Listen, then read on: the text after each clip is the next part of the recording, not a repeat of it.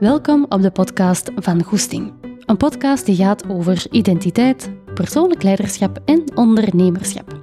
Ik ben Anne-Sophie, coach in persoonlijk leiderschap en organisatieontwikkeling en samen met mijn collega's van Koers bouwen wij aan een wereld waar individuen, teams en organisaties even stilstaan bij een kern. Hun waarden, sterktes, drijfveren, visie enzovoort. Zodat ze vanuit deze fundamenten kunnen groeien op lange termijn. Met veel goesting. Met Koers hebben we eigenlijk niet één, maar twee podcasts. De Goesting Podcast is gericht op jou als individu en onze andere podcast, Rakenklappen, is gericht op teams en organisaties. Ga zeker even kijken. Oh ja, en laat even weten wat je van deze aflevering vond. En nog leuker, deel hem met je eigen netwerk. Zo kunnen we samen meer impact maken. Als je in Antwerpen bent, je bent altijd welkom voor een koffie en virtueel vind je ons op koers.team. Geniet ervan!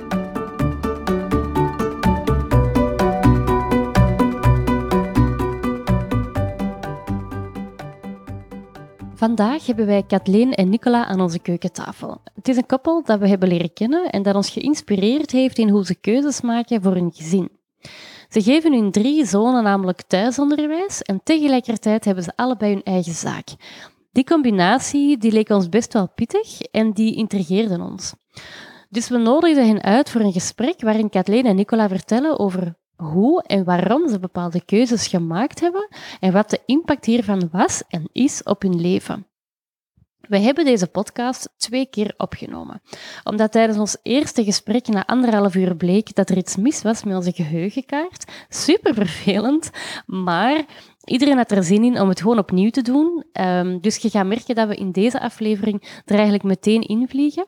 Daarom een klein beetje kader. Want je gaat merken dat op begin Kathleen spreekt over Witte Raven. En dat is eigenlijk een organisatie dat zij gestart is om kinderen en ook de ouders van die kinderen met HSP en hoogbegaafdheid te begeleiden. Ik geef even dat kader dat je ineens kunt meevolgen, maar de rest hoor je zo dadelijk. Geniet van de aflevering. We zijn aan het opnemen voor de verandering. Nee, voilà. Um, we zijn aan het opnemen. Uh, goedemorgen, Kathleen, Nicolas. Welkom aan onze uh, keukentafel. Uh, dankjewel dat jullie tot hier zijn gekomen. Um, Kathleen, wij hebben een, een, tweetal maanden geleden eens uh, even een call gehad over, uh, over koers en over Lierse SK, hoe dat we elkaar in, in kunnen ondersteunen. Maar dat is eigenlijk uit, uitgedijnd naar een, een, hele gezellige babbel van, denk ik, een half uur of drie kwartier. Um, over hoe dat jullie in Spanje zaten, uh, met drie kinderen en aan homeschooling daar deden en van waar dat, dat kwam. En ik dacht van, wow, dat is zo'n interessant gesprek uh, geworden. Interesseert jullie dat niet om dat eens hier op de podcast uh, te komen vertellen? Um, het viel mij op hoe, in hoeverre dat jullie al in jullie leven bepaalde keuzes hadden gemaakt die echt vanuit ja, jullie zelf vertrokken en voor het welzijn van jullie kinderen dat heel vaak ja, wel indijnt tegen de grotere maatschappij. En ik vond dat echt zo krachtig. En ik kan mij inbeelden dat er toch wel wat luisteraars in datzelfde schuitje zitten, of toch een vorm van. Ja. Um, en dus dat die daar wel nood aan hebben, of, of behoefte, uh, of, of nut bij hebben om, om jullie verhaal te horen. Um, dus voilà. Jullie zijn volledig in homeschooling uh, gegaan van jullie drie kinderen. Ja. Van waar die keuze? Um, wij hebben dus drie zonen, drie hoogbegaafde en hoogsensitieve zonen, uh, van 14, 12 en 9 jaar. En um, eigenlijk van kleins af aan hadden die een, uh, een soort van handleiding. En uh, ze hebben die zoektocht moeten ingaan een beetje en moeten ingaan om uit te zoeken wat dat die kinderen nodig hadden om te kunnen functioneren.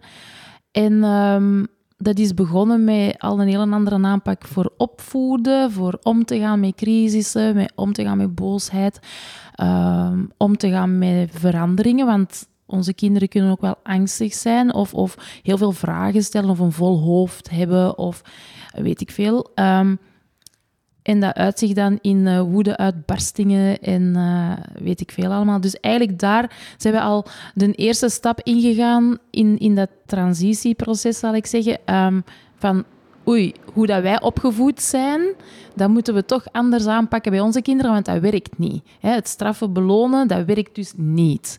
We hebben dat eens een keer geprobeerd met zo'n, zo, wat was dat, zo'n De knikkerpot. Pot. De knikkerpot, ja. Voor elk goed gedrag een knikkertje in de pot en is de pot vol een cadeau. Echt, na drie keren, onze Mathis zei hij van, laat die knikkerpot maar. Zo, Het duurt veel te lang. Ik zal wel zelf iets kopen, zei je dan. Dus ja, dat heeft echt niet geholpen. Ehm, dat zijn dan de leuke kanten van het verhaal. We hebben natuurlijk ook wel andere eh, momenten gehad, hè, dat, dat de deuren werden ingeschopt en eh, dat we daar ook heel veel commentaar op hebben gekregen van familie en vrienden.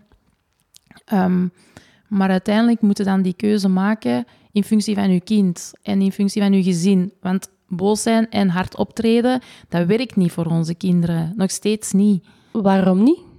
Omdat zij één... ehm, eigenlijk is dat een soort van omgaan met autoriteit. En dat is niet van dat zij dat niet kunnen aanvaarden, maar zij zien dat anders. Zij zien zichzelf als gelijkwaardig. Dus jouw mening telt, hè, mama en papa, uw mening telt, maar mijn mening telt ook. En daar moet je ook naar luisteren. En ik vind dat altijd boeiend om dat uit te leggen van, kijk, iedereen is wel gelijkwaardig. Ook kinderen, hun mening is gelijkwaardig aan die van jou, maar er zijn wel andere rollen. Als het gaat om veiligheid, die hebben papa en mama het laatste woord. Sowieso. We gaan hier niet midden op straat lopen. Zo werkt het niet. Ehm, maar als het gaat over, ehm, ik zeg zomaar iets, hè, opruimen of hoe zie ik dat, hoe vind ik dat mijn kamer opgeruimd is en hoe vind ik dat, dan vind ik wel dat we daar een compromis in moeten sluiten. En dat is wel een van de grootste redenen waarom dat bijvoorbeeld dat belonen en dat straffen niet werkt voor die kinderen. Gewoon omdat die zoiets hebben, ja, ja dat kan allemaal goed zijn, maar eigenlijk die knitter, knikkerpot interesseert mij ook gewoon niet. Het, het antwoord, als je zegt van waarom is dat? Daarom, omdat ik het zeg, Nee, dat ook niet. Hè. dan escaleert de boel direct. Sowieso. Ja, dat is ook geen gelijkwaardigheid dan, hè? Nee. Inderdaad. Dus inderdaad. dat is zo, die willen gewoon weten waarom. Ik, ehm, ik kan me nog een, een voorval met Mathies herinneren dat hij zijn been gebroken had. En die zat bij de orthopedist en er moest een, eh, een eh, verband, een gipsverband rond. En die was toen twee jaar. Hè, en, en die zei, ja, daar mama, mijn skelet. Op die röntgenfoto, mijn skelet, mijn skelet. En die ging dus vragen wat er aan de hand was. En die dokter die weigerde dat uit te leggen, want die zat dat alleen tegen mij uit te leggen. En daar werd hij echt kwaad van, die Mathies. hè. En waarom praat je niet tegen mij? en welke kleur van gips wil je dan? Hè? Welke kleur van gips moet er rond, mevrouw? Vroeg die dan. En ik zo, ja, vraag maar. En hij zei, ja, blauw, want, mijn, blauw is mijn lievelingskleur, zei hem toen. En die zo, amai, zeg, die is niet op zijn mond gevallen. Maar dat is juist, hij vond dat, dat ging over één, zijn been. Twee, zijn voorkeur van kleur, want hij moest wel met die gips rondlopen. Waarom wordt dat dan niet aan hem gevraagd? En dat zijn zowel dingen waarin dat die gewoon, ja, allee, de ene al wat meer als... Cedric laat dat dan over zich gaan, maar die twee jongsten, die zeggen van nee, nee, nee, dat gaat hier niet zomaar langs mij passeren. En dan kun je kiezen als ouder, ofwel ga je daar altijd tegenin, en dan, maar dan denk ik, choose your battles. En ik vind dat ook gewoon belangrijk, dat ze hun mening durven blijven zeggen en hun keuzes, eh, we moeten ze ook niet afleren. Hè. Dus ik denk dat het als ouder op dat moment ook belangrijk is om ze een keuze te geven, maar wel binnen de regels die voor u passen. Mhm. Maar ze wel die, die autonomie geven van zij mogen wel kiezen, maar het is dit of dat. En niet wat dat zij willen. Nee, daar draait het niet om. Ja, ze mogen kiezen, maar tussen die eh Ja, want dat was met, met die uniformschool. Weet je dat nog? Hoe erg dat Gilles dat vond? Die zei, ik kan mezelf niet zijn op deze school. Toen was die vijf of zo. Ja. Ik kan mezelf niet zijn op deze... En ik, ja, en waarom niet? Ik moet aandoen wat al de rest aandoen. En dat vind ik niet mooi, want ik hou van... Ja, toen, weet ik veel, een of ander tekenfilmfiguur waarschijnlijk. Van die afgrijzelijke t-shirt. maar goed. Ehm, en uiteindelijk heeft dat voor hem een grote bevrijding echt geweest om naar geen uniformschool te gaan. Om dus wel zijn eigen keuzes te maken. En heb ik daar ook gewoon in moeten loslaten.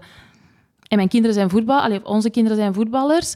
En ik heb altijd gezegd, die komen nooit in een voetbaltenu buiten. Dat bestaat niet. En nu, ja, nu is de regel, als het met voetbal te maken heeft, dan mag het. Maar als we naar een feest gaan, doe je iets anders aan. Ja, Of wandelen rond in een stad, Ja. dan doe je iets. Gaan we op restaurant, dan doe je iets deftig aan. Maar willen jullie thuis overdag in de voetbaltenu zitten, dan doen zij een voetbalkleren aan. Wat mij heel erg opvalt in jullie verhaal is dat jullie eh, volledig vertrekken vanuit jullie kind. Het, het uh, is kijken naar het eigen kind, kind centraal. Hoe wijkt dit af van jullie eigen opvoeding door jullie eigen ouders? Hè? Want dat is natuurlijk ook een generatieverschil daarin. Hè? Voor mij wijkt dat niet zoveel af. Ik had, ik had eigenlijk wel ouders die op dat vlak zo wat voorstonden. Die hadden dat zelf ook altijd ervaren thuis. Van, oh, eigenlijk, wij, mochten ons mening niet zeggen. Of wij werden afgeblaft. Of, zeg, je moet dat maar doen omdat ik dat zeg. En zowel mijn vader als mijn moeder, die hadden zoiets van, wij gaan dat anders doen met onze kinderen. Dus wij hebben eigenlijk altijd heel open met hen kunnen babbelen. Ik heb nog een zus. Um, heel open met hen kunnen babbelen. Um, natuurlijk, mijn mama waren andere gesprekken dan mijn papa. Maar sowieso, um, ook, ook, qua school en zo, was, was vooral mijn papa dan zo van... Als, want ik heb er, van mij werd altijd gezegd van, ja, je moet er hard voor werken. En, goh, zeg jij wel, eh, ga jij wel de ASO aankunnen? En, en dat je zei van, nee, nee, nee, ons Kathleen, die gaat dat hier doen. En die kan dat, want ik weet dat. En het is niet omdat jullie dat misschien niet zien, dat dat er niet in zit. En eigenlijk heeft hij dat altijd wel gestimuleerd om om je eigen ding te doen. Die waren, die waren ook nooit boos over slechte punten. Die zei gewoon, heb er hard genoeg voor gewerkt. Dus eigenlijk echt zo dat procesgerichte, dat zat daar eigenlijk wel in en minder resultaatgericht. Natuurlijk moest wel goede punten halen, ik moest er ook niet... Um, maar dat was wel... Ik ben eigenlijk niet zo autoritair opgevoed.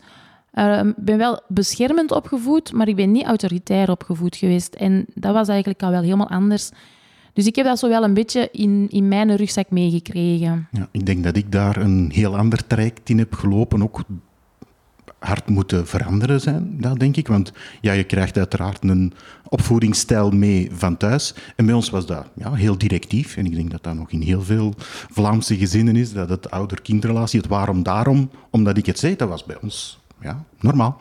Um, en dat was natuurlijk, bij onze kinderen was dat niet mogelijk. Dus ik denk dat ik daar ja, wel een, een enorme shift in heb moeten maken. Ehm, en zelf ook heel veel geleerd heb. Al een geluk dat ik dan een vrouw had die dat al wel kon.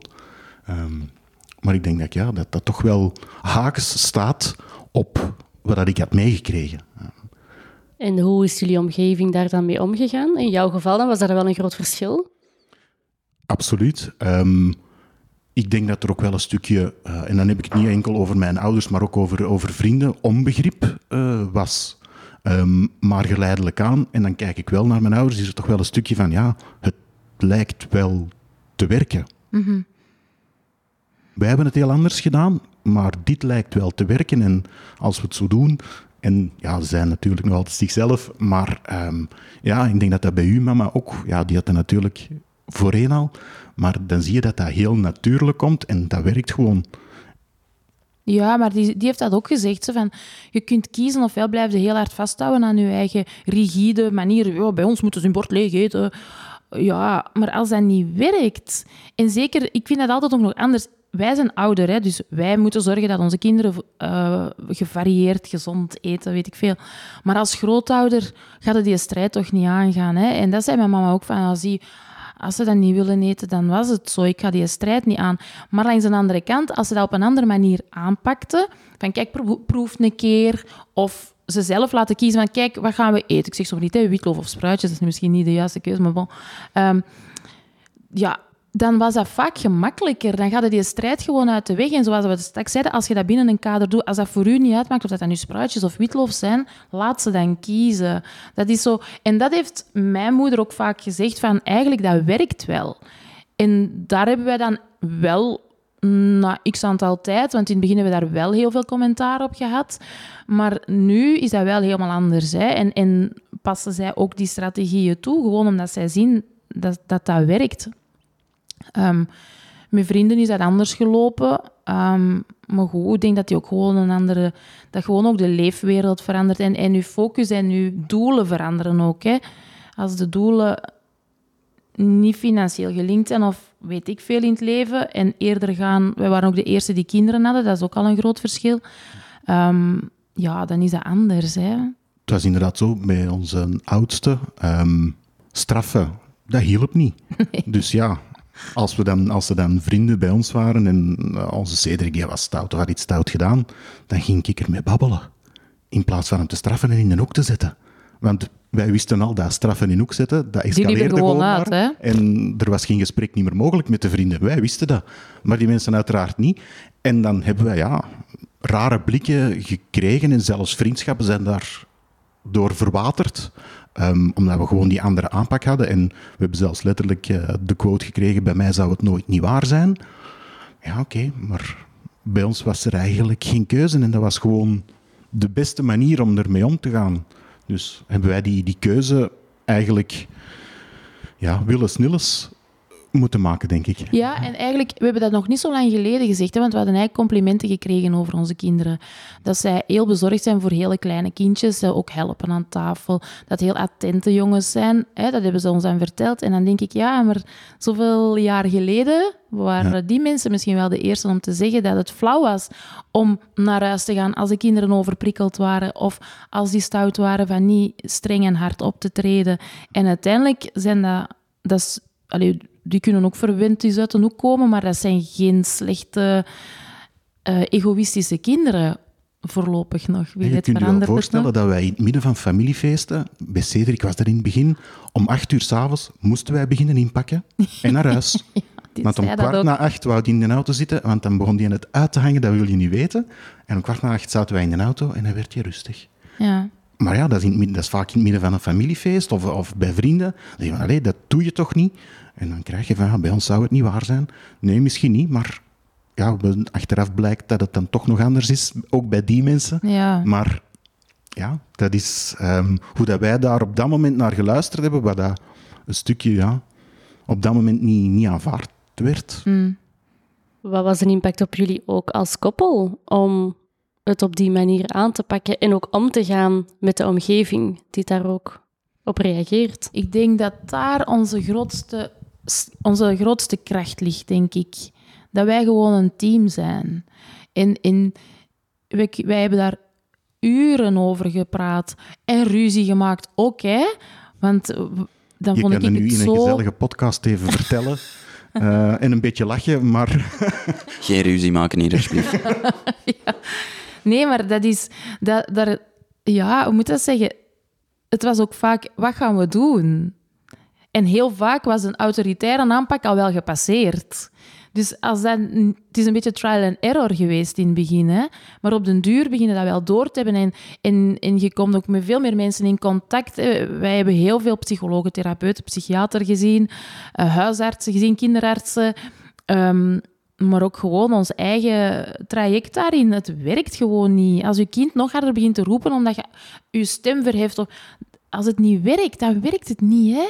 Ik bedoel, kun jij daar blijven tegen vechten en doen? Dat, dat blijft niet duren, voor niemand niet. Dus het is echt gewoon de keuze maken van wat werkt er gewoon.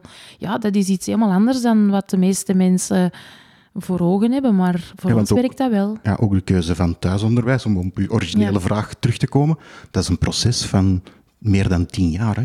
Ja, uiteindelijk wel. Dat is een proces. Dat is geen beslissing die gisteren gemaakt is, of die vorig jaar gemaakt is. Nee, dat is een proces van tien jaar, waarbij dat we heel lang heel ongelukkige kinderen hebben gezien. En waar dat COVID wel ons laatste duwtje heeft gegeven van zie, eigenlijk die harmonie dat wij toen hebben teruggevonden in ons gezin, dat was onbetaalbaar. Onbetaalbaar. Dat was gewoon zo, zo heftig eigenlijk. Hoe een fijn gezin dat wij konden zijn. Dat wij zoiets hadden van, hallo, waar zijn wij mee bezig? Waarom willen wij hier een, hoe zeggen ze, dat, een vierkant in, in een ronde steken? Dat, is, dat marcheert gewoon niet. Hoe, hoe was het ervoor dan? Hoe werd je, welke rol had school in jullie gezin dan? En, en hoe werd je daarin ondersteund of niet in ondersteund? Of? School was pure stress voor iedereen. De vakantie kwam eraan en iedereen was altijd blij en opgelucht. Dan kon iedereen weer op zijn plooi komen. En die zondagavond begon het al. Hè? Dan begonnen die kinderen naar mijn tante doen, die wouden niet gaan slapen. Die hadden al stress. En bij bijvoorbeeld de jongste uitziet dat dan in elk etiketje, naadje van zijn kleren. Dat ehm, kon hem dan niet meer verdragen, ook al was het al zo versleten iets. Allee, dat was pure stress. En dat begon s'morgens al. En dat was, dat was eigenlijk gewoon niet meer haalbaar. Er waren momenten dat ik ik ben geen kleine magere, ehm, met mijn volle gewicht op mijn vierjarige zoon moest gaan liggen om zijn broek aan te krijgen. Ja, om naar dat- school te gaan. Of, of ik die vasthouden in de, in de autostoel en dan Nicola met de, met de gordel, want die kon, wij konden die niet meer alleen naar school brengen. Hè. We moesten met twee bodyguards die gaan wegbrengen toen. Dat was echt erg.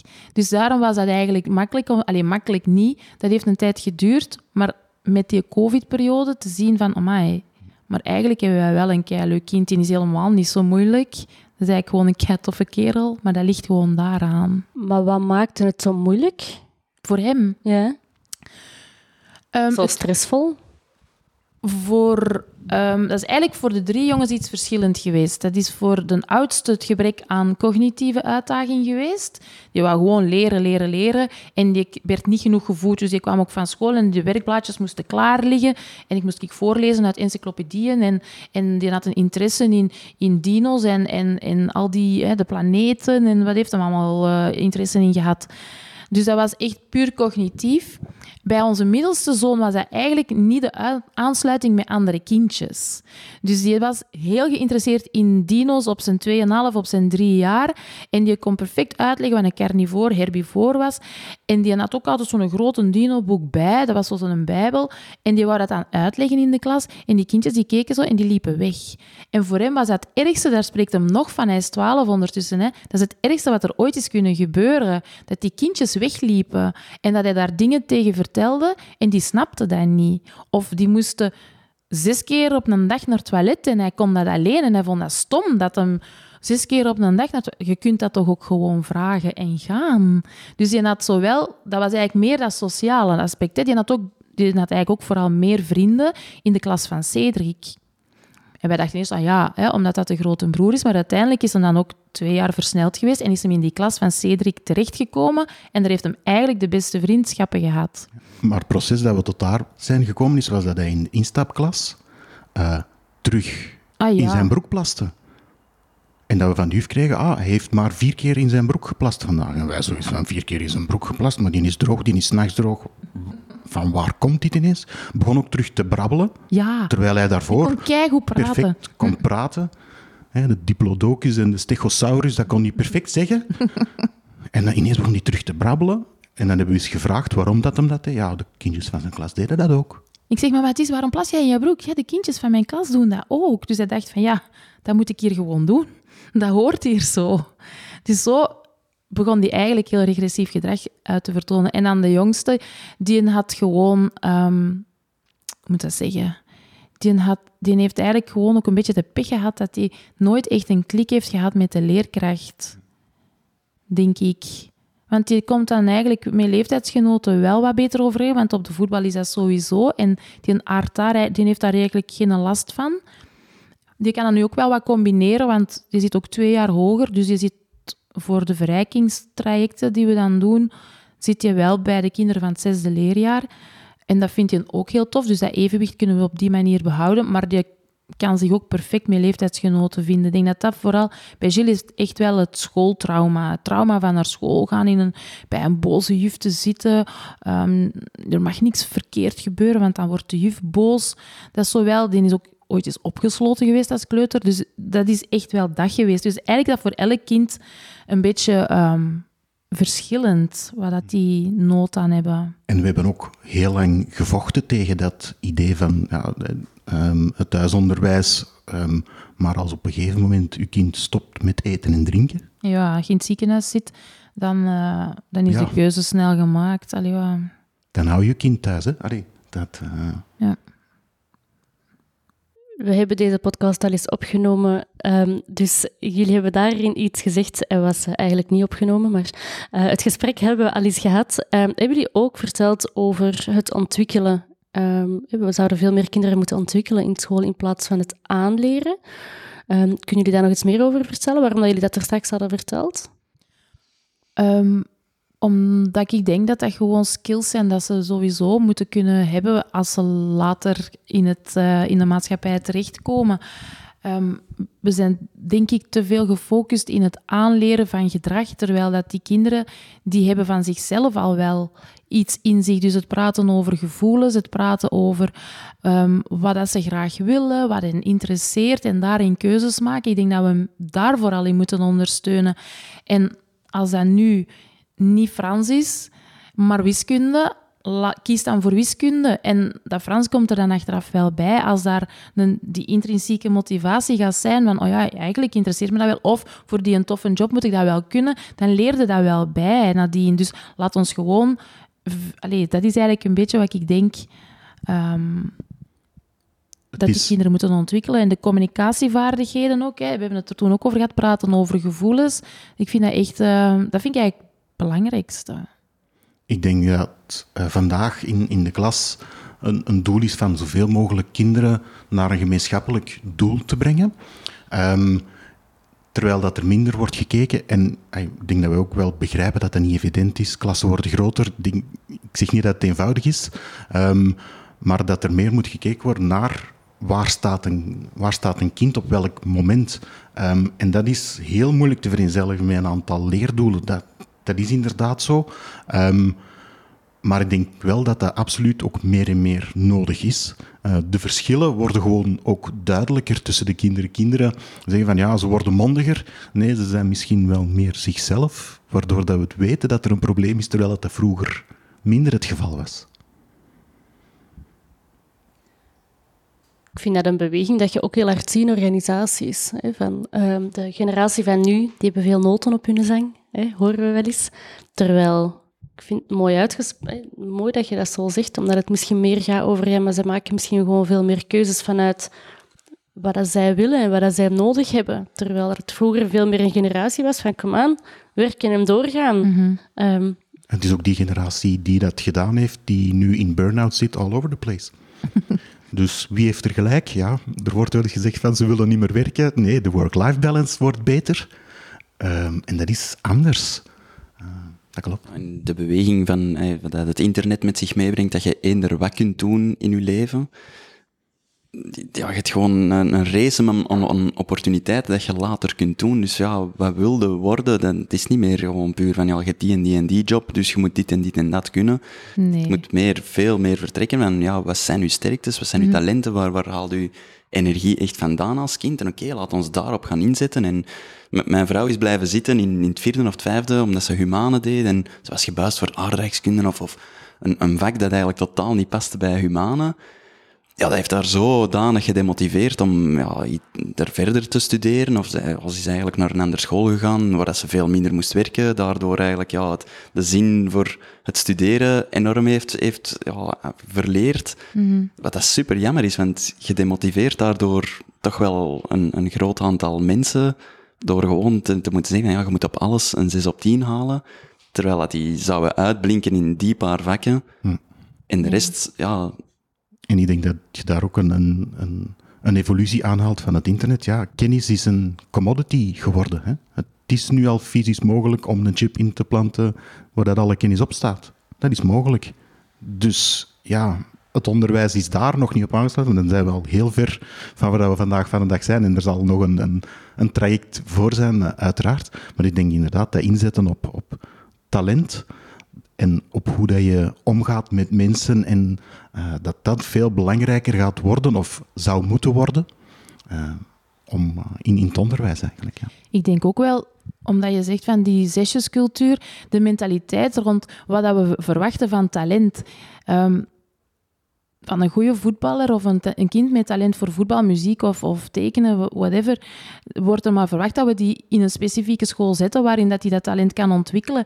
Maar als het gaat over, over um, talent in cognitieve zaken, hè, hoogbegaafd zijn bijvoorbeeld, dan wordt dat wel snel afgedaan als van zeg, uh, doe jij maar gewoon, dat is al erg genoeg. Of er wordt zelfs gezegd, oeh, u zag je, uh, want er studeren dan twaalfjarige kinderen af in een master in fysica of, uh, of toch zoiets. Um, oh, van jullie dan niet. Dan zal hem wel niet hoogbegaafd zijn. Waarom wordt daar dan zo weinig aandacht aan geschonken en moeten die kinderen inderdaad maar een zes halen? Ofwel omdat, omdat ze niet meer verwachten, ofwel omdat die kinderen zelf zoiets hebben van wow, dat is meer als genoeg, er wordt van mij ook niet meer verwacht.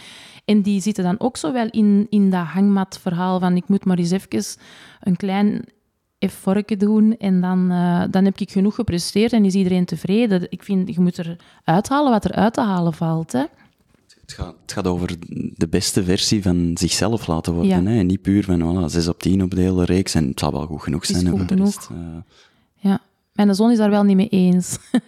Die zegt altijd, dat is toch goed, mama. Waarom moet ik nu ineens toch achten halen? In school was dat toch goed? Ja, in school wel. Dat is aan het nadeel van thuisonderwijs, hè, als mama. ja, wij hebben natuurlijk ook altijd wel gezegd van uh, een 10 op 10 is niet goed als je niks voor moet doen hebt. Ik heb Govelien voor mij een 7. Als je echt hard voor gewerkt hebt, is dat top. Dan een 10 waar je niks hebt moeten doen. We weten nog het verhaal over uh, Cedric, die nooit niks moest doen. En um, ja, ja. We gingen hem eens een lesje leren, hè, want ja, op een gegeven moment was hem zijn, uh, zijn boek van godsdienst... Of voor de zoveelste keer, voor de zoveelste vergeten. keer uh, vergeten en het ging daar de dag daarna toets zijn. En uh, ja, en ik kan niet leren. En uh, Kathleen zei van, ha, weet je, normaal vraag ik dan via WhatsApp een foto van de leerstof. Ik ga dat nu niet doen. Hmm. We gaan dat eens een Hij keer moet maar eens met zijn kop tegen de muur, lopen. En met godsdienst, ja. weet veilig vak voor ja, ons. Hè, ja, hè, um, we gaan echt opvoeden hè, op dat moment. Ja. Dus uh, wij vol goede moed de volgende dag. Je toets laten doen. Hè? Toets laten doen, hè, dus niet kunnen studeren. En uh, hoe is het gegaan? Ah, goed. Maar was altijd goed. De dag daarna komt hij met een toets thuis, had hem 12 op 10. 12 op 10. Ik zeg, hoe kunnen nu in godsnaam een 12 op 10 halen? Ja, zegt hem. Ik had, um, er was nog een extra vraag voor twee punten. En dat wist ik nog van vorig jaar. Dus mama, zie je wel, ik had nooit vergeten. Mama, zie je wel, je hoeft niet te studeren om goede punten te halen. En toen dacht ik, nee, hij zit echt niet op zijn plaats. Want dat is, dat is niet wat we willen. Hè? En dan hebben we hem van school veranderd en hebben we hem in, in een school gezet van uh, volledig uh, voltijds uh, hoogbegaafdenonderwijs.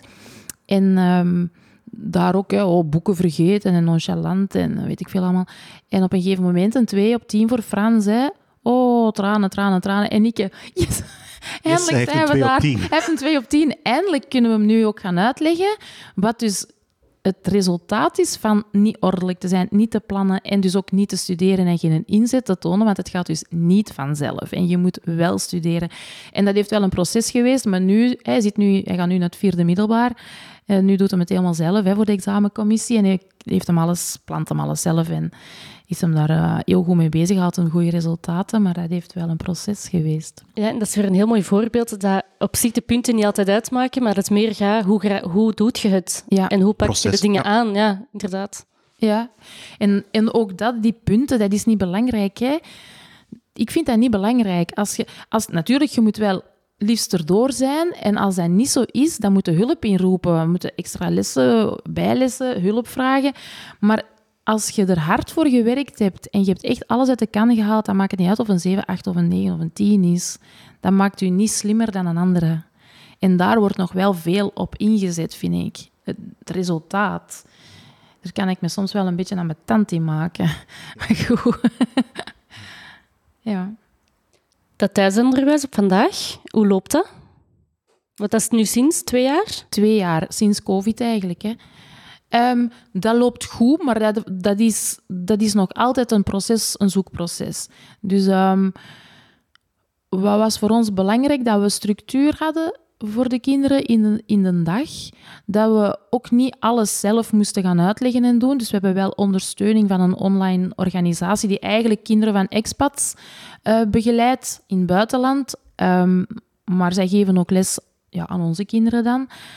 Um, en ja, er zelf ook wel veel tijd in steken. Niet misschien van daarnaast te zitten en de les te geven, maar wel te zorgen dat in hun huiswerk, want ze krijgen ook huiswerk uiteraard, dat werk gedaan is, dat, dat hun boeken in orde zijn, hun agenda in orde, want ook wij worden doorgelicht, dus we zijn ook al op controle moeten komen. Um, dus dat, dat, wordt nu wel belangrijk. En ik vind ook wel de verantwoordelijkheid dat je ineens instaat voor de opleiding van je kinderen, vind ik ook wel heftig vaak. Van, want wij zijn geen leerkrachten van opleiding. We hebben dan, wij proberen dat uit te leggen zoals dat wij denken dat het moet zijn. Je staat er ook helemaal alleen voor. Um, dus ja, dat is, dat is wel even um, in dat zwembad springen en, en hopen dat je niet ondergaat. Maar dat lukt. En dat weegt niet op tegenover de harmonie en, en het geluk van de kinderen. En de kinderen die nog altijd na twee jaar nog altijd aan het openbloeien zijn. Nog altijd nog niet zijn wie dat ze eigenlijk in het echt zijn. Dus ja. Iets waar mij heel erg opvalt. Je staat er alleen voor. Ja. Ja. Dat Cool. is echt. Vertel. Ik vind dat wel. Ehm, voor dat thuisonderwijs zeker. Het komt er eigenlijk al op neer dat je zelfs niet alle boeken kunt kopen, omdat je geen leerkracht bent. Dus dan moeten we eerst ons attest van thuisonderwijs doorsturen en dan zullen de uitgeverijen ons eventueel wel toegang geven tot bepaalde websites en boeken die we nodig zouden hebben. Ehm, in ons geval hebben wij ook geen ondersteuning van het CLB. Ehm, Plus de kost van al die boeken. Eh, want ik denk dat dat voor het onderwijs wel iets... ehm, en omdat we dan geen officiële school zijn, betalen we ook meer. Als we het al kunnen Ah ja, kopen, betalen boeken, we ja. meer. Ja, ja, betaal ook meer. Ja, ja, dat is... Dus dat is wel... En je staat er wel alleen voor, want het was echt wel... De moment dat we dat dan communiceren aan school ehm, en aan CLB, dat we dus kozen voor thuisonderwijs, wordt effectief die navelstreng gewoon doorgeknipt. Dus dan zijn ze echt zo van het moederschip af en dan moet je ineens zelf gaan roeien en maar zien hè, dat er niks gebeurt. Dus dat, is, dat vond ik ook wel heftig. Ehm, want dan begint heel die, een, die een, ja, warboel van hoe moeten wij dat nu doen met die examencommissie? Wat moeten we juist kennen? Welke doelstellingen? Oeh, doelstellingen. Een document van honderden pagina's met doelstellingen in een taal dat wij voor de eerste keer lezen. Hè? Dus Ja, dat dat, was wel pittig. dat wordt maatschappelijk eigenlijk totaal nog niet gedragen als je die keuze op vandaag wilt maken. Nee, dat vind ik niet. Helemaal niet. Nee. En hoe combineren jullie dit met jullie job? Want jullie hebben allebei ook een job. Ja. Ehm, wij werken alle twee van thuis uit. Wij zijn ook alle twee zelfstandig. Dus we kunnen een agenda zelf plannen. En ehm, dat vraagt heel veel organisatie, hè? Want dat is niet gemakkelijk. Nu, de jongens zijn ook al wel wat ouder, dus die kunnen al wel eens alleen blijven. Zeker die twee oudste. Ehm, maar ja, dat, maakt het soms wel moeilijk. Hè? Dat je zo moet organiseren wie wanneer be, eh, allee, tijd ook heeft om, om eens wiskunde uit te leggen of eens een Franse tekst eh, door te nemen. Of, of eh, dat vind ik nog altijd wel iets waar we toch wel veel tijd in steken. Ja, dat is inderdaad zo. En dan, dat zorgt er dan voor dat je dan vroeger moet opstaan om je werk wel gedaan te krijgen. Maar je, je plant je dag dan anders in. Hè? Ehm, en dat, ja, dat is niet, niet evident. Zeker en vast niet. Omdat daarbuiten een maatschappij is die dat niet altijd aanvaardt. Die dat niet zo werkt. Wat zijn voor jullie dan de voordelen vandaag van het wel te doen? Wat is een impact op jullie als, als gezin? Gelukkige kinderen. Ja, ik, ik denk dat wij altijd zeggen, we hebben jaren gevochten om onze kinderen op nul te krijgen. Hè, geld gespendeerd aan psychiaters, medicatie, onderzoeken, onderzoeken hè, in het kwadraat, rond voor alle soorten dingen. Waar dat dan niks mee gedaan heeft Ehm, uiteindelijk. Ehm, begeleidingen, ehm, therapieën, eh, relaxatie, alleen noem het op. Ik denk dat we het allemaal, heel het scala al doorlopen hebben. Of we beginnen op nul en we gebruiken al onze energie en onze centen om boven nul te blijven en, en uit te groeien tot een gelukkig gezin waar dat niet elke dag een strijd is om de dag door te komen. En dat weegt niet op tegenover de organisatie en de planning. Dat is een andere stress. Dat vraagt wat organisatie, ja. En dat heeft al eens een discussie. Maar dat is niet de continue stress waar dat je gezin onder lijdt als een van je kinderen niet functioneert of niet eet of niet drinkt of, of elke dag ehm, Krijsend een auto krijsend een ingesleurd auto wordt. in moet of zo. Dat weegt daar niet, niet tegenop. En nu, wij geven de jongens ook altijd de keuze. Zij mogen altijd zelf beslissen om terug naar school te gaan. En nu onlangs moesten wij dat document van thuisonderwijs terug invullen en dan houden we daar een familievergadering over. Van wat gaan we doen? Wie wil dat nog wel? Wie nog niet? Wie niet meer? En ik vond onze Mathies, die zei dat eigenlijk het mooiste. Hè? Ik, want daaraan merken we wel dat hij dat sociale contact een beetje mist. Of met, dat is zo nogal een vriendenman, een, een kliksje voor op uitstap te gaan of weet ik veel. En, en hij mist dat wel, hij zegt dat ook. Maar hij zei ook, dat weegt niet op tegen het slechte gevoel dat ik een heel schooljaar heb. Hij zegt dus, ik blijf in thuisonderwijs en ik heb mijn vrienden op de voetbal en hij heeft nog vrienden van zijn vorige voetbalclub en nog van school. Ehm, dat weegt daar niet tegenop. En ja, ik voel me soms eenzaam. En ja, als ik zo kinderen zie, ik ben daar dan met mijn ouders, zegt hem dan, hè, als we zo eens een uitstap doen, en zij zijn daar dan met school, dat mis ik wel, maar dat weegt niet op tegen het slechte gevoel, maar ik blijf in thuisonderwijs. En dan dacht ik, ja, dat is, allee, dat, dan is het duidelijk, hè. Dan moeten we daar geen andere woorden aan vuil maken. Ja, omdat ik denk dat het sociale stuk voor heel veel ouders daar nog een drempel zou zijn. Ja, maar dat vind ik, dat is zo. Ik vind dat je dat anders moet bekijken. Want als ik dan kijk naar hoogbegaafde kinderen, die hebben ook vaak gewoon een nood aan oudere kinderen. Die gaan hun sociale vaardigheden ook niet kunnen ontwikkelen bij leeftijdsgenoten. Dat is gewoon zo. Zeg altijd, als je zelf al, ik zeg zomaar iets, hè, naar uh, de nachtwacht kijkt en iedereen kijkt nog Paw Patrol, bedoel, dan ga je geen nachtwacht spelen op de speelplaats. Hè? En Paw Patrol is voor baby's. Dus ook daar gaat dat niet werken. En dat sociale, vroeger zeiden ze dat tegen ons ook, want onze kinderen zijn niet naar een, naar een crash geweest en zeiden, ja, maar die sociale vaardigheden, wij hebben geen, wij hebben geen aliens het is maar hoe dat je daar zelf mee omgaat. Je, je moet die sociaal maken, gaat daarmee naar buiten, laat die spreken in een supermarkt. Um, onze kinderen die, die voetballen heel intensief, die zijn vijf van de zeven dagen op hun voetbalclub. Die hebben... Um, ja, wij doen dan zelf met Witte Raven verrijkingstrajecten. Dus die zitten daar ook in dat die met oudere kinderen kunnen omgaan en daar dat luikje van hun personaliteit kunnen ondersteunen. En wij proberen dat gewoon zo op te vangen. En die, zijn, die, die zitten niet opgesloten in, in een toren. Hè. Allee. Ja, er zijn ook gewoon veel meer plekken dan enkel school waar dat je sociale ja, contacten maakt. Hè. Dus in dat opzicht zijn er Ik vind dat eigenlijk ook. Ik en we hebben onlangs nog een, gewoon een heel leuk compliment gekregen um, over onze jongens. Hoe goed dat die met kleine kindjes hun zich daarover ontfermden uh, tijdens een etentje, omdat ze hen hielpen en vlees gingen snijden en zo verder. En dan werd dat tegen ons gezegd, van, dat is wel knap dat die zo lief zijn voor die, voor die kleine gasten. En dan denk je van, ja, dat is toch wel iets dat je dan wilt meegeven, wat dan een sociale skill is, die, ja, die er dan toch wel ingeslopen is, ondanks het feit dat ze niet naar school gaan. Hè. Um, en ik krijg ook complimenten over hoe beleefd dat zal altijd zijn.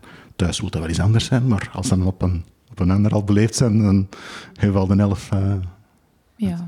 Als ik jullie verhaal zo hoor, moet ik zo heel tijd denken aan dat woord uh, veiligheid. Dat jullie echt de, de emotionele en fysieke veiligheid van jullie kinderen, dat dat gewoon de rode draad is doorheen jullie verhaal. En op het moment dat jullie hebben aangevoeld, we kunnen dat niet meer geven, die veiligheid, waardoor dat zij geen basis meer hebben om op te kunnen functioneren en te groeien. Oké, dan hoe kunnen we die veiligheid terug in ons gezin en onze kinderen gaan brengen? Ja. Dat is echt zo'n centraal uh, Dat is ook echt zo. Dat is ook wat ik vaak op school heb gezegd, van de kinderen voelen zich niet veilig en uh, laat dan alles overboord vallen. Als ze zich niet veilig voelen, gaan ze niet leren. Dan, als die zich niet goed voelt op school, dan gaat hij inderdaad die uitbreidingstrajecten niet doen dan gaat hij niet zijn comfortzone verlaten en is iets anders durven. Dan gaat hij zeggen, nee, nee, laat mij hier maar die sommetjes tot tien doen. En dan zegt ze, ja, hij kiest er zelf voor. Maar die veilige context, daar begint het. En als dat er niet is, dan, dan vergeten maar al de rest. En, en, dat is overal zo. Dan mag je naar de voetbal kijken. Ah, onze zoon heeft veel bijgeleerd bij die trainer. Ah, omdat hij zich daar goed bij voelde. Hij voelde zich veilig bij die trainer, waardoor dat hij heel veel heeft kunnen bijleren op dat moment. Maar denk dat die veiligheid daar inderdaad, denk dat op elk vlak gewoon belangrijk is voor een kind. En dan hebben wij inderdaad beslist van, kijk, die kinderen zitten zoveel uren op school, meer op school dan thuis, dat we dat voor hun ontwikkeling en voor hun mentale ontwikkeling gewoon onverantwoord niet meer vonden. En uiteindelijk, Gilles heeft er echt een trauma aan overgehouden, dat we dat eigenlijk ons taak gewoon vonden om die daar weg te halen. Mhm zonder dat dat een fout is van scholen en leerkrachten. Hè. Onze kinderen hadden iets anders nodig wat zij niet konden bieden. Want dat is ook wel, hè, dat hebben we ook wel vaak gemerkt, dat dat dan zo heel ehm, misschien wat persoonlijk wordt genomen of als een falen van hun kant dat onze kinderen niet meer naar school gaan. Maar dat is niet onze boodschap. Wij willen, wij willen het beste voor onze kinderen. En die context is nu, want ook dat, geen enkele beslissing is voor altijd, niet de juiste context. Dus dan moeten we daar even uitgaan. Maar voor ons, allez, als die terug naar school willen gaan of die gaan studeren als ze dat willen, met alle plezier. Hè. Maar nu, nu was dat niet goed. En dan vind ik dat dat je taak is voor in te grijpen als dat kan. Hè? Want je moet, wel, je moet dat niet hals over kop doen of goed nadenken wat een impact is op je eigen leven en op je eigen vrije tijd. Want dat is wel groot. Hè? En ook een financiële impact. Hè? Mm. Ehm, wij hebben daarvoor ingeboet. Hè. Je moet dat niet onder stoelen of banken steken. Ehm, wij hebben het heel goed. Ik klaag absoluut niet. Ehm, maar als je het puur financieel ziet, hadden wij nog veel verder kunnen staan. Ehm, maar is dat, was niet ons doel. Dat was niet ons doel. Wij niet? hebben gezegd van nee, wij kiezen voor die kinderen. En ja, allee, maar ik denk ook wel dat het belangrijk is dat we er alle twee achter staan. Ja. Achter die keuze op dat moment. Dat ik denk is dat daar wel... eh, Op dat vlak een of andere, echt, eh, dat er ja. wel meerdere echtscheidingen daarvoor eh, gebeuren. Ehm, dus dat denk ik dat wel. Jullie hebben enerzijds hier in jullie verhaal. Mhm. Jullie hebben ook Witte Raven opgestart. Mhm. Je hebt het er juist al uitgesproken. Ehm, hoe, misschien kunnen we daar zelfs nog iets over vertellen, over die Witte Raven. Maar hoe ehm, is uw ervaring daarin? Van de, hoe dat de ouders achterstaan tegenover de kinderen die dan bij jullie komen? Dat vind ik altijd zo'n... Een, een, ja, ik vind dat bijzonder om vaak te zien dat de meeste aanmeldingen komen van mama's. Mama's die ah, zoiets hebben van, ja, het marcheert toch niet helemaal, of mijn kind wil lopen daar en daar tegenaan. En dan, en dan zijn papa's zo'n beetje op een afstand. Ik wil dat niet stigmatiseren, maar dat is wel wat ik zie in de, in de praktijk. En als er dan uiteindelijk na een aantal gesprekken of, of, of on- onderzoek of wat dan ook, ehm, beslissingen moeten genomen naar versnellen of aan een school veranderen of wat dan ook, dan is dat vaak met de beide ouders. En dan merken we wel dat dat wel vaak gebeurt dat een van beide ouders zegt van, goh, nee zeg, eh, ik vind dat eigenlijk hier allemaal een beetje flauwekul en eh, hij Doe moet zijn eigen, gewoon. doe maar gewoon en hij moet zijn eigen maar aanpassen en wij gaan wij helemaal niet versnellen en, en eh, zo weer is het allemaal niet. En, en dan denk ik, ja, ik, ik vind dat wel jammer, want dat kennen wij bijvoorbeeld niet. Wij, wij, gaan, wij bespreken dat en, en wij hebben op dat vlak wel dezelfde, de neus in dezelfde richting voor onze kinderen. En dan, dan merkt je toch wel dat dat dan afbreekt. Dus dan hebben we daar eigenlijk al een aantal, eh, al een traject mee achter de rug. Ik met dat kind individueel of in groep. En dan botst dat ineens op, op, die, op, die, op die een blok van oh, versnellen of van school veranderen. En dan ineens zijn die mensen ook weg. En dan denk ik, allee, dat kind, nu stopt dat gewoon. En die was zo blij met die uitdaging, of die voelde zich ook zo veilig, of die, die kwam zo graag. En nu ineens eh, gaan we dat dan toch maar stoppen, want het moet maar, doe maar normaal, hè? Ik denk dat een stukje van het verhaal ook nog zit in het feit dat hoogbegaafdheid nog vaak wordt beschouwd als een taboe. Het, het zeggen van, ja, ik heb een cognitief begaafde. Als een voetbalbegaafd is en hij springt een jaar hoger, dan applaudisseert iedereen. Ehm, springt hem een jaar in school, dan wordt je nogal snel als een stoeverige ouder beschouwd. Hè. Ik denk dat onze, onze jongste zoon daar ook een beter woord in plaats van hoogbegaafd. Dat klinkt al beter, of dat klinkt al superieur, maar dat is het eigenlijk uiteraard helemaal niet. En die had daar het woord hoofdbegaafd voor. En eigenlijk is dat gewoon een veel beter woord, hoofdbegaafd. Ook omdat hij het niet kon uitspreken toen. Maar het was een beetje toeval. Dan moeten dan moeten knippen uit de podcast. hè. nee, nee. Ja. Begeleiden jullie ehm, enkel hoofdbegaafde eh, kinderen? Of, of wat doet Witte Raven juist? Eigenlijk ondersteunen wij sowieso talent.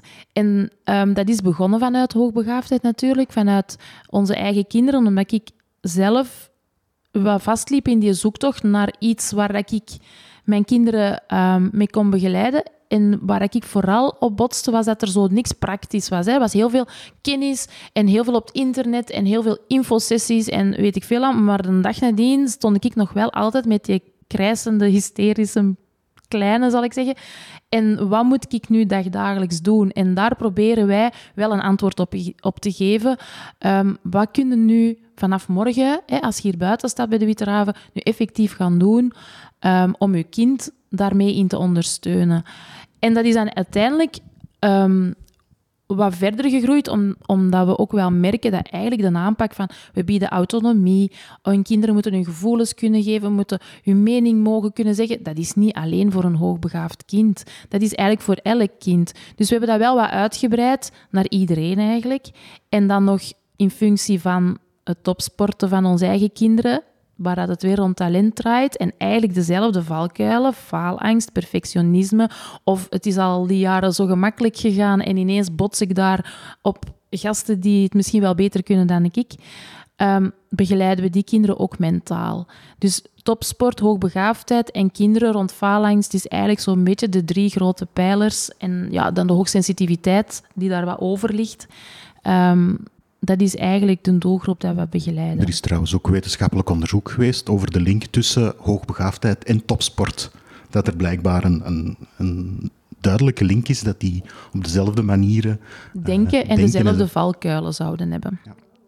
ja. Ik hoor je ook zeggen, en die hoogsensitiviteit uh, golft daar zo wat over. Wat maakt dat je dat zo zegt? Dat is nu... Ja, ik, ik vind precies dat er gewoon altijd hoogsensitiviteit verbonden is. Dus ik begin het eigenlijk meer als een spectrum te zien waarin een aantal dingen, bijvoorbeeld die hoogbegaafdheid ook inhangen, maar die topsporters, die worden ook vaak heel hard aangepakt. Hè? Want je moet presteren en, en, en niet flauw zijn. En, terwijl dat is niet zo. Je, hebt een, je bent als mens gewoon ook gevoelig en vatbaar voor van alles. Dus ik heb wel die sensitiviteit, die zit er gewoon heel vaak bij. En daarom ik zo zeg, er hangt altijd zo een, een sluier van hoogsensitiviteit wel bij. Afhankelijk van het domein waarin dat je dan de, je valkuilen of, of waar dat je dat dan tegenaan loopt. Hè. Maar je hebt er altijd... Die ja, dat zit er gewoon mee in verweven. Perfectionisme en faalangst, is dat iets dat bij hoogbegaafdheid veel voorkomt? Um, ja, want ik denk ook daar weer, ook op topsportniveau, ook bij hoogbegaafdheid, um, ook niet, allee, als je niet hoogbegaafd bent, dat perfectionisme die lat zo hoog leggen en heel vaak voor hunzelf. Ik denk dat, dat we dat ook bijna allemaal automatisch doen. Het is precies nooit goed genoeg, hè? Het moet die tien zijn. Hè? We, zetten niet voor een zeven. En dat komt er al van kleins af aan eigenlijk in. Hè? Ik heb kindjes van het eerste leerjaar die tegen mij zeggen... Ja, maar een, een zeven is niet goed. Ja, een zeven is wel goed. Waarom zou het... Nee, nee, nee, want ik moet een tien hebben. En dat is... Die lat wordt gewoon altijd hoger gelegd. En ik denk dat we ook gewoon veel meer eisen van onszelf en ook van onze kinderen ze moeten niet alleen goed zijn op school, maar ook in sporten. En ze moeten ook het beleefdste kind zijn en de mooiste kleren aan hebben. En ik denk dat dat zo'n beetje wel wat meegegeven wordt. En we vinden het zelf al niet goed genoeg niet meer. Hè. Ik moet hier nu ook niet... Want ik ben daar zelf ook wel... Dat is ook wel mijn valkuil. Ik wil het ook altijd heel goed doen. Maar soms is ook gewoon goed, goed, goed genoeg. En dan moeten we dat ook gewoon accepteren. En als het niet lukt, dan is het ook zo. Dat is ook niet erg. Ja, je zit in een enorme fale slagenmaatschappij, hè, wat dat betreft. Ja, dat is het enige wat telt. Hè. En social media helpt daar ook niet bij, moeten denk ik eerlijk zeggen. Hè? Het is altijd uh, goed nieuws, hè? Uh, waardoor de anderen zich gaan spiegelen, uh, spiegelen aan, amai, die mensen hebben een goed leven. Omdat er, want uh, de foto van de krijzende kind komt niet op Instagram, maar de cocktail in Ibiza, die staat er uiteraard wel op. Hè? Allee, ik denk dat dat ook een stukje van het verhaal is. Er wordt ook maar 10%, mensen kiezen maar de 10% dat ze willen delen hè, daarin. Dus in dat opzicht daar word ik eigenlijk wel altijd wel wat triest over. Omdat ik eh, ook hier weer in de praktijk heel vaak de uitspraak hoor van ja, maar als ik dan naar die of die of die persoon kijk, dan hebben die toch een perfecte koppel of perfecte leven. En dan denk ik, oh, maar die en die en die persoon, heel toevallig, zijn die ook al eens hier ah, geweest. Dus ik ken dan heel toevallig, uh, mag het dan niet zeggen natuurlijk, maar ik ken dan heel toevallig ook die hun verhaal. Ja, dat is ook absoluut niet de realiteit. En dat is mij al zo hard opgevallen, dat komt zo hard terug, dat sociale media een gigantische impact heeft op hoe dat wij ons voelen. En dat dat prestatiegerichte of dat resultaatsgerichte nog belangrijker wordt. Terwijl dat je langs de andere kant ook wel een enorme golf ziet komen, bijvoorbeeld in opvoeding rond dat mild ouderschap bijvoorbeeld. Tegelijkertijd is die andere golf er ook wel aan te komen. Hè. Dus dat is een beetje een dualiteit tussen die twee. Ik denk dat dat ook een, een, spanningsveld is waar dat de huidige generatie heel hard mee speelt. Van enerzijds zitten we in die prestatiegerichte maatschappij en vinden we het moeilijk om daaruit te blijven, maar eigenlijk intuïtief voelen we allemaal zo wel wat aan. Heb ik de indruk van, oh, ik wil eigenlijk wel mijn kinderen opvoeden op een andere manier. Maar ik, ik, ik, zit, ik bots tegen of het systeem of mijn mijn opvoeding of uh, mijn omgeving of wat dan ook. En dan is het echt de moed hebben, en, en, en, dat vind ik in jullie verhaal wel heel sterk, hè? ook daarin de moed hebben om te blijven staan achter wat dat jullie zelf vinden. En, en ook weer hoe, wat dat jullie eigen kinderen nodig hebben, los van de omgeving. De moed komt uit de return dat je ervoor krijgt. Ja, dat is waar. Maar het vergt wel moed, hè? Ja. Want je zegt het zelf ook, hè? we hebben wel wat vrienden verloren, we hebben wel wat die... Dat, en dat, dat maakt ook dat je als koppel daar toch ook wel ergens een druk krijgt om daarmee om te gaan. Ja, ja, dat is niet gemakkelijk. En we hebben daar ook vaak discussies en die ruzies over gehad. Absoluut. Ehm, maar ja, het is... Wij worstelen daar nog altijd mee. Ja, dat is we eigenlijk wel. Want als we ons echte volledige keuze zouden maken, dan zou ons leven er nog veel meer anders uitzien. Dan Hè? zouden we ergens boven op een berg moeten gaan wonen. En dat is ook nog niet tot nu toe het geval. Hè. Ehm, ja, wij, hebben- je leeft wel in een maatschappij en ik denk dat je daar... Je moet uw weg vinden, maar de maatschappij is er wel. Allee, En wij, ja, onze weg is misschien anders, maar ja. Ja, onze, onze weg is helemaal anders. Hè. En die gaan nog, ik voel dat al, die gaan nog veranderen. Dus die, nu, hè, want toen dat je ons belde, zaten we inderdaad in Spanje. En vanuit dat thuisonderwijs kunnen we natuurlijk nu vertrekken of ergens naartoe gaan waar dat we willen. En ook zo lang. Heeft daar ook gewerkt, ik heb daar ook eh, gewerkt. En dat was eigenlijk zo onze eerste try-out van hoe is dat nu om locatie onafhankelijk te kunnen gaan werken. En ehm, eerst ook de jongens zo, zeg, een hele maand, dat is lang. Zo. Maar dat was eigenlijk veel sneller voorbij dan verwacht. En smaakt gewoon veel naar veel meer. En het enige wat ons voorlopig nog hier, hier houdt, is dan die voetbal van die kinderen. Want die hebben zoiets van, ja, we kunnen nu toch niet, eh, niet gewoon vertrekken, want dan mogen we niet meer terugkomen. En allee, ze willen allemaal nog profvoetballer worden. En, Ja. Dus ja, dat zijn dan grote offers die moeten gebracht worden. Maar goed, ehm, dat is wel iets wat nog in onze toekomst staat, denk ik. Ons proces is niet gedaan, denk ik, dat klopt. Nee, Waar dat het zal leiden, ja, vandaag weten we dat niet. Zal het ooit eindigen? Ik hoop van niet. Dat Allee, ooit ook wel niet. natuurlijk. Ooit wel. Maar, ik hoop van niet. Ik zou het ook heel saai... Ik denk ook wel... Ik denk dat we daar wel bij moeten zeggen. Wij zijn ook niet de mensen die zo klassiek ehm, in het leven staan. Hè. Wij, eh, 40 jaar op dezelfde bureau... Dat, allee, wij, wij hebben ook ons... Jij zei al iets aan het vestigen, want ik heb ook al wel verschillende carrière-switchen gedaan. Ehm, gewoon uit interesse, hè. Gewoon, oh, ik heb het hier nu wel een beetje gezien, of ik, ik heb het niet dik en maar zo wat onder de knie. Goh, ik, wil, ik heb een andere uitdaging nodig. En dan terug gaan studeren of iets anders doen en, en, en helemaal opnieuw beginnen. Hè. Ik vind dat ook niet erg om opnieuw te beginnen. Nu dat je kinderen hebt, is dat natuurlijk anders. Want dat kan niet meer zomaar, maar ik vind dat niet erg. Nee, dat klopt. En van elke ervaring neem je een stukje mee dat je in je volgende ervaring kunt gebruiken. En dat willen wij ons kinderen meegeven. Dat hebben we ook gezegd als we naar kinderen gingen. Van zie, we willen jullie ook de wereld laten zien. Dat ga je niet leren op school, hè. Je gaat niet leren of je gaat niet... Want eigenlijk was de bedoeling dat we naar Bali gingen gaan, hè, maar met covid is dat dan niet doorgegaan. En voor hen gewoon te laten zien, kijk, hoe leven die mensen daar? Wat is die hun cultuur? Wat, dat is volgens mij veel meer rijkdom dan... Al ja, ja sorry dat ik je- zeg, wat je op school leert. Ik bedoel dat niet verkeerd, hè, want dat moet je ook kunnen, hè, maar er is zoveel meer. Er is zoveel Daar kan je meer. ook over hindoeïsme en boeddhisme leren als je daar een beetje kennis op internet haalt. En, maar het dan beleven, Ja, dat dat vind is ik nog iets anders. denk ik. Ik denk dat elk kind daar ook anders in is. Iemand leert gemakkelijk uit boeken, Cedric. Maar Mhm. Ties heeft dat helemaal, die moet iets doen.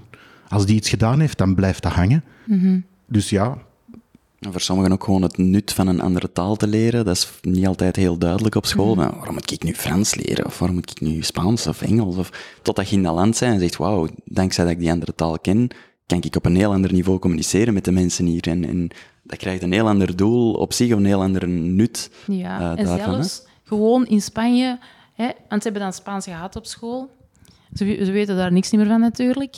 En een steek in mijn hart, want ik vind Spaans zo'n goede taal en ik, allee, ik snap niet dat je dat niet kent. Allee, ehm, maar... ehm, en dan nu moesten ze gaan bestellen, ja. En dan stonden ze daar, hè. Hola, eh, eh, eh, Fanta, por favor. Dus dat was echt zo krakkemikkelig. En nu, nu wel, hè. Nu zeggen ze, ah, zeg, hadden we nu maar wat meer ons best gedaan. Of hadden we dat toch maar geoefend. En nu hebben ze zoiets, ja, anders moeten we Spaans erbij pakken. En nu wel. Maar inderdaad, die ervaring, die moeten gewoon al heel jong krijgen om die intrinsieke motivatie dan weer te prikkelen, waardoor dat die motivatie om te leren er terugkomt. En dat gebeurt te weinig. Ik denk dat dit allemaal gaat, dit hele gesprek gaat over, ook hier weer, enerzijds, hoe willen wij eigenlijk ons gezin leven? Hoe willen wij als mens leven en ons gezin daarin meenemen? Dat is eigenlijk echt een zo'n belangrijke vraag. En ik denk dat we dat heel vaak niet doen. En dat we in het klassieke systeem blijven, um, omdat we gewoon daar niet bij stilstaan. Mm. Hetzelfde met dat Spaans. Ja, waarom moet ik dat nu leren? Ja, Totdat je als, je als gezin beslist, nee, wij willen op die manier onze kinderen dingen aanleren, is dat, um, dat hoeft niet altijd per se te zijn, we gaan naar het buitenland. Je kunt dat ook. Er zijn zoveel opties, maar het gaat er gewoon over, neem de tijd ook daarin om na te denken, hoe willen wij leven en hoe willen wij dat aanpakken? En ik denk dat dat stilstaan, dat dat, dat, dat zo belangrijk is. Ja, en we vergeten dat. Want, ik, want eigenlijk had ik zo met, tijdens de covid-periode ook zo wel... Want gehoord aan, amai, zeg, dat doet toch wel eens goed, die rust. Of, goh, dat van thuis uitwerken, eigenlijk is dat wel handig, want ik moet niet meer uren in de file staan. En uh, ik had echt zo misschien heel naïef gedacht van, oké, nu gaan we hier lessen uittrekken. We gaan hier goede dingen kunnen meepakken. En ik voel zo, dat slipt allemaal weer dicht. En, en dat, dat wringt bij mij. We hebben het er ook al over gehad. Hè. Dat wringt zo hard. Van alleen, nu hebben we kunnen proeven, we stonden er zo dichtbij. Hè, naar een work-life balance. We, we struggelen er allemaal mee. En toch zetten wij gewoon dat petje terug op en doen wij terug het tegenover. Allee, van waar dat we komen, hè, dat is iets waar ik het ja, toch wel moeilijk mee heb. Ik vind vooral zot, we hebben dat echt als een maatschappij en zelfs als een wereldmaatschappij kunnen ervaren. Dat is niet, wij zijn bijvoorbeeld in 2016 een jaar gaan reizen. Ja, dat heeft onze mindset helemaal veranderd toen. En we dachten niet van, maar in deze flow willen we echt forever and ever blijven natuurlijk. Maar je komt terug in deze maatschappij die dan niet een jaar is gaan reizen, die dan niet die mindset heeft, niet die, in die flow zit. En je hervalt snel terug in de gewoontes van de maatschappij. De wekker gaat morgens terug, hè? Voilà. Maar nu gaat de deze als maatschappij kunnen. Dus ik, ik moet ook wel toegeven dat ik dacht van oké, we gaan hier wel heel veel uit hebben geleerd. En ik denk dat er wel heel veel uit is geleerd, maar dat er nog heel veel toch terug is hervallen in, in hervallen, maar ook dat is een proces. Ik denk dat heel veel mensen dan dingen hebben geleerd, nu terug in de oude flow zitten, maar ik ben er zeker van dat de volgende maanden dat dat nog wel gaat terugkomen. Van, zeg, nu zit ik zo terug in, in mijn oude job, mhm. ik vind dat niet tof. En geloof wel heel erg dat dat gaat terugkomen. Niet iedereen, hè? maar dat, ik voel dat nu al soms in de praktijk. Dat mensen zeggen van, ja, zegt je COVID, ik vond het eigenlijk wel plezant. Zo wat thuis zijn en wat trager leven. Nu zit ik zo terug in mijn red race, dus ik wil eigenlijk terug er iets aan doen. Dus ik denk dat, we, dat dit een proces is dat nog niet gedaan is. Denk ik. Waarschijnlijk, ik ben gewoon heel ongeduldig. Ja. dat is echt zo. Ik, wil dat altijd nu. Ja, en ik heb onlangs ook uh, een TED-talk gezien waarbij iemand zei van ja, verandering is goed, maar eigenlijk moet het doel zijn van het eerste blokje van een domino te doen wiebelen. En ik denk als iedereen dat wilt, dat je uiteindelijk wel alles veranderd zult hebben, maar iedereen moet een beetje wiebelen. Ja, het is ook een heel groot uh, concept. Hè. Dat, Het mhm. gaat over alles. Hè. Ja, ja. Uh, dus, dus ja, dat doet niet van vandaag op morgen. Hè. Dat is, nee, dat is waar. Um, hebben jullie nog een ultieme tip dat jullie als ouders van drie hoogsensitieve en hoogbegaafde, hoofdbegaafde uh, kinderen willen meedelen? Is er iets, een boodschap dat jullie nog de wereld willen insturen? Ik denk gewoon je gevoel volgen. Dat is, de, dat is het enige kompas dat werkt je kunt je zoveel mogelijk jezelf in, in, in, in een vakje gaan steken of, of proberen te doen wat er van u verwacht wordt, maar dat werkt niet. En zeker als ouder van kinderen, volgt gewoon uw oudergevoel. Dat, is, dat zal u nooit in de steek laten. Je kent uw kind het beste en je gaat altijd eigenlijk instinctief weten wat dat er nodig is. En je moet natuurlijk niet alles in functie van zetten of dat blindelings volgen. Maar dat is wel uw startpunt, vind ik. Dat is, dat is ook wat ik doorheen die jaren heb geleerd. Van volg gewoon, in mijn geval mijn moedergevoel, heeft mij nog nooit in de steek gelaten. Van, dat klopt hier niet. Of dat werkt hier niet. En dan toch proberen en toch maar terug in gesprek gaan en toch maar terug. Maar uiteindelijk gewoon... En ik vind ook, als het, als het uw context niet meer is, blijf daar dan niet in ploeteren. Kiest voor iets anders. Er is altijd een keuze en er is altijd wel iets wat uit de bus gaat vallen. Het, dat gaat niet stoppen, hè. Maar dat hebben we ook wel moeten leren. Want ik weet nog, de moment dat onze middelste zoon moest vertrekken bij zijn vorige voetbalclub, hè, zonder reden, ze hadden eigenlijk niet echt een reden, maar dat was voor, voor dat kind stopte de wereld toen. Dat stopte gewoon. Ik heb nog nooit het licht zien uitgaan in de ogen van mijn kind. En toen heb ik dat gezien voor de allereerste keer. Want dat is zijn passie. Maar uiteindelijk is hij beter terechtgekomen. Is zijn talent veel beter kunnen ontwikkelen nu. En, en hij doet het heel goed en ze geloven erin. En, en dus dat was niet zijn context. Daar kon hij ook niet ontwikkelen. Maar dat was toen voor hem echt wel een eindpunt. Maar ja, er, is, er zal altijd wel een andere uitweg zijn. En je moet gewoon, als het niet werkt, moeten durven de stekker eruit te trekken. En ik denk ook een kracht dat we altijd gehad hebben is, we zijn ook nergens niks gaan eisen. Hebben we nooit. Hebben we eigenlijk nooit gedaan. We hebben altijd geprobeerd van... Denkt iedereen daar zo over? Dat weet ik eigenlijk niet. We hebben dat wel geprobeerd. We hebben geprobeerd altijd van compromissen te sluiten. Wat werkt er voor iedereen? Kunnen we dat proberen? En ik denk dat dat ook wel een stuk van het proces is. Ja, maar ik, ik weet niet of we altijd resultaat geboekt hebben, maar ja. Ik onthoud vooral het, het, het terug leren voelen. Hè? Dat, we, dat we zoveel in ons hoofd en het rationele en, en het moet allemaal kloppen en dit en dat. Maar inderdaad, zoals je zegt, je moederinstinct en als je geen moeder als, als, als luisteraar nu, maar dat je gewoon je eigen gevoel Ja. al terug leert vertrouwen en terug connectie mee vindt van ik zit nu in een bepaalde job of in een bepaalde situatie of whatever en het voelt niet juist aan, ook al is het rationeel misschien wel een goede keuze. Gewoon dat terug, terug waarde geven en daar terug naar luisteren en, dan, en dat ook een stuk volgen. Ehm, ik denk dat dat iets is dat we, dat we als maatschappij terug moeten, moeten leren. ja, Ehm, dat denk, ben ik veel overtuigd. Als mensen hiermee verder willen of jullie beter willen leren kennen, waar kunnen zij jullie vinden? De Witte Raven? Ehm, wij zitten in Schoten en alle info staat op www.wittekoppeltekenraven.com. Dus daar kunnen ze eigenlijk alles in contact opnemen ook. Super. Dan eh, heb jij nog vragen, Christophe? Is er iets waarover dat we het niet hebben gehad, terwijl dat jullie wel hadden verwacht dat we het daarover zouden hebben?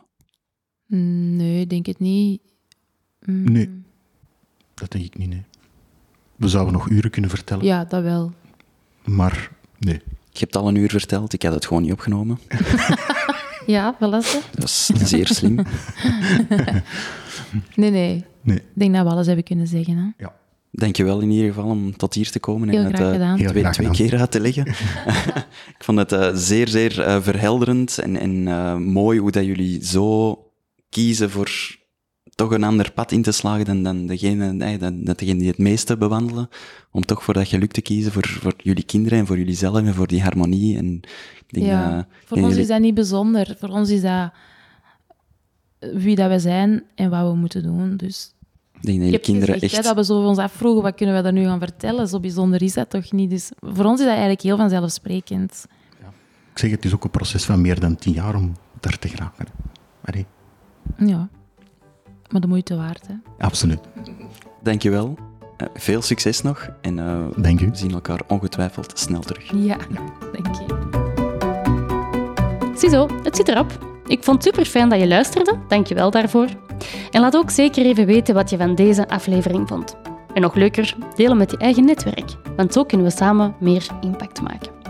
En als je meer wil weten over onze programma's, ga dan zeker even naar onze website www.koers.team of stuur me een berichtje. Tot binnenkort!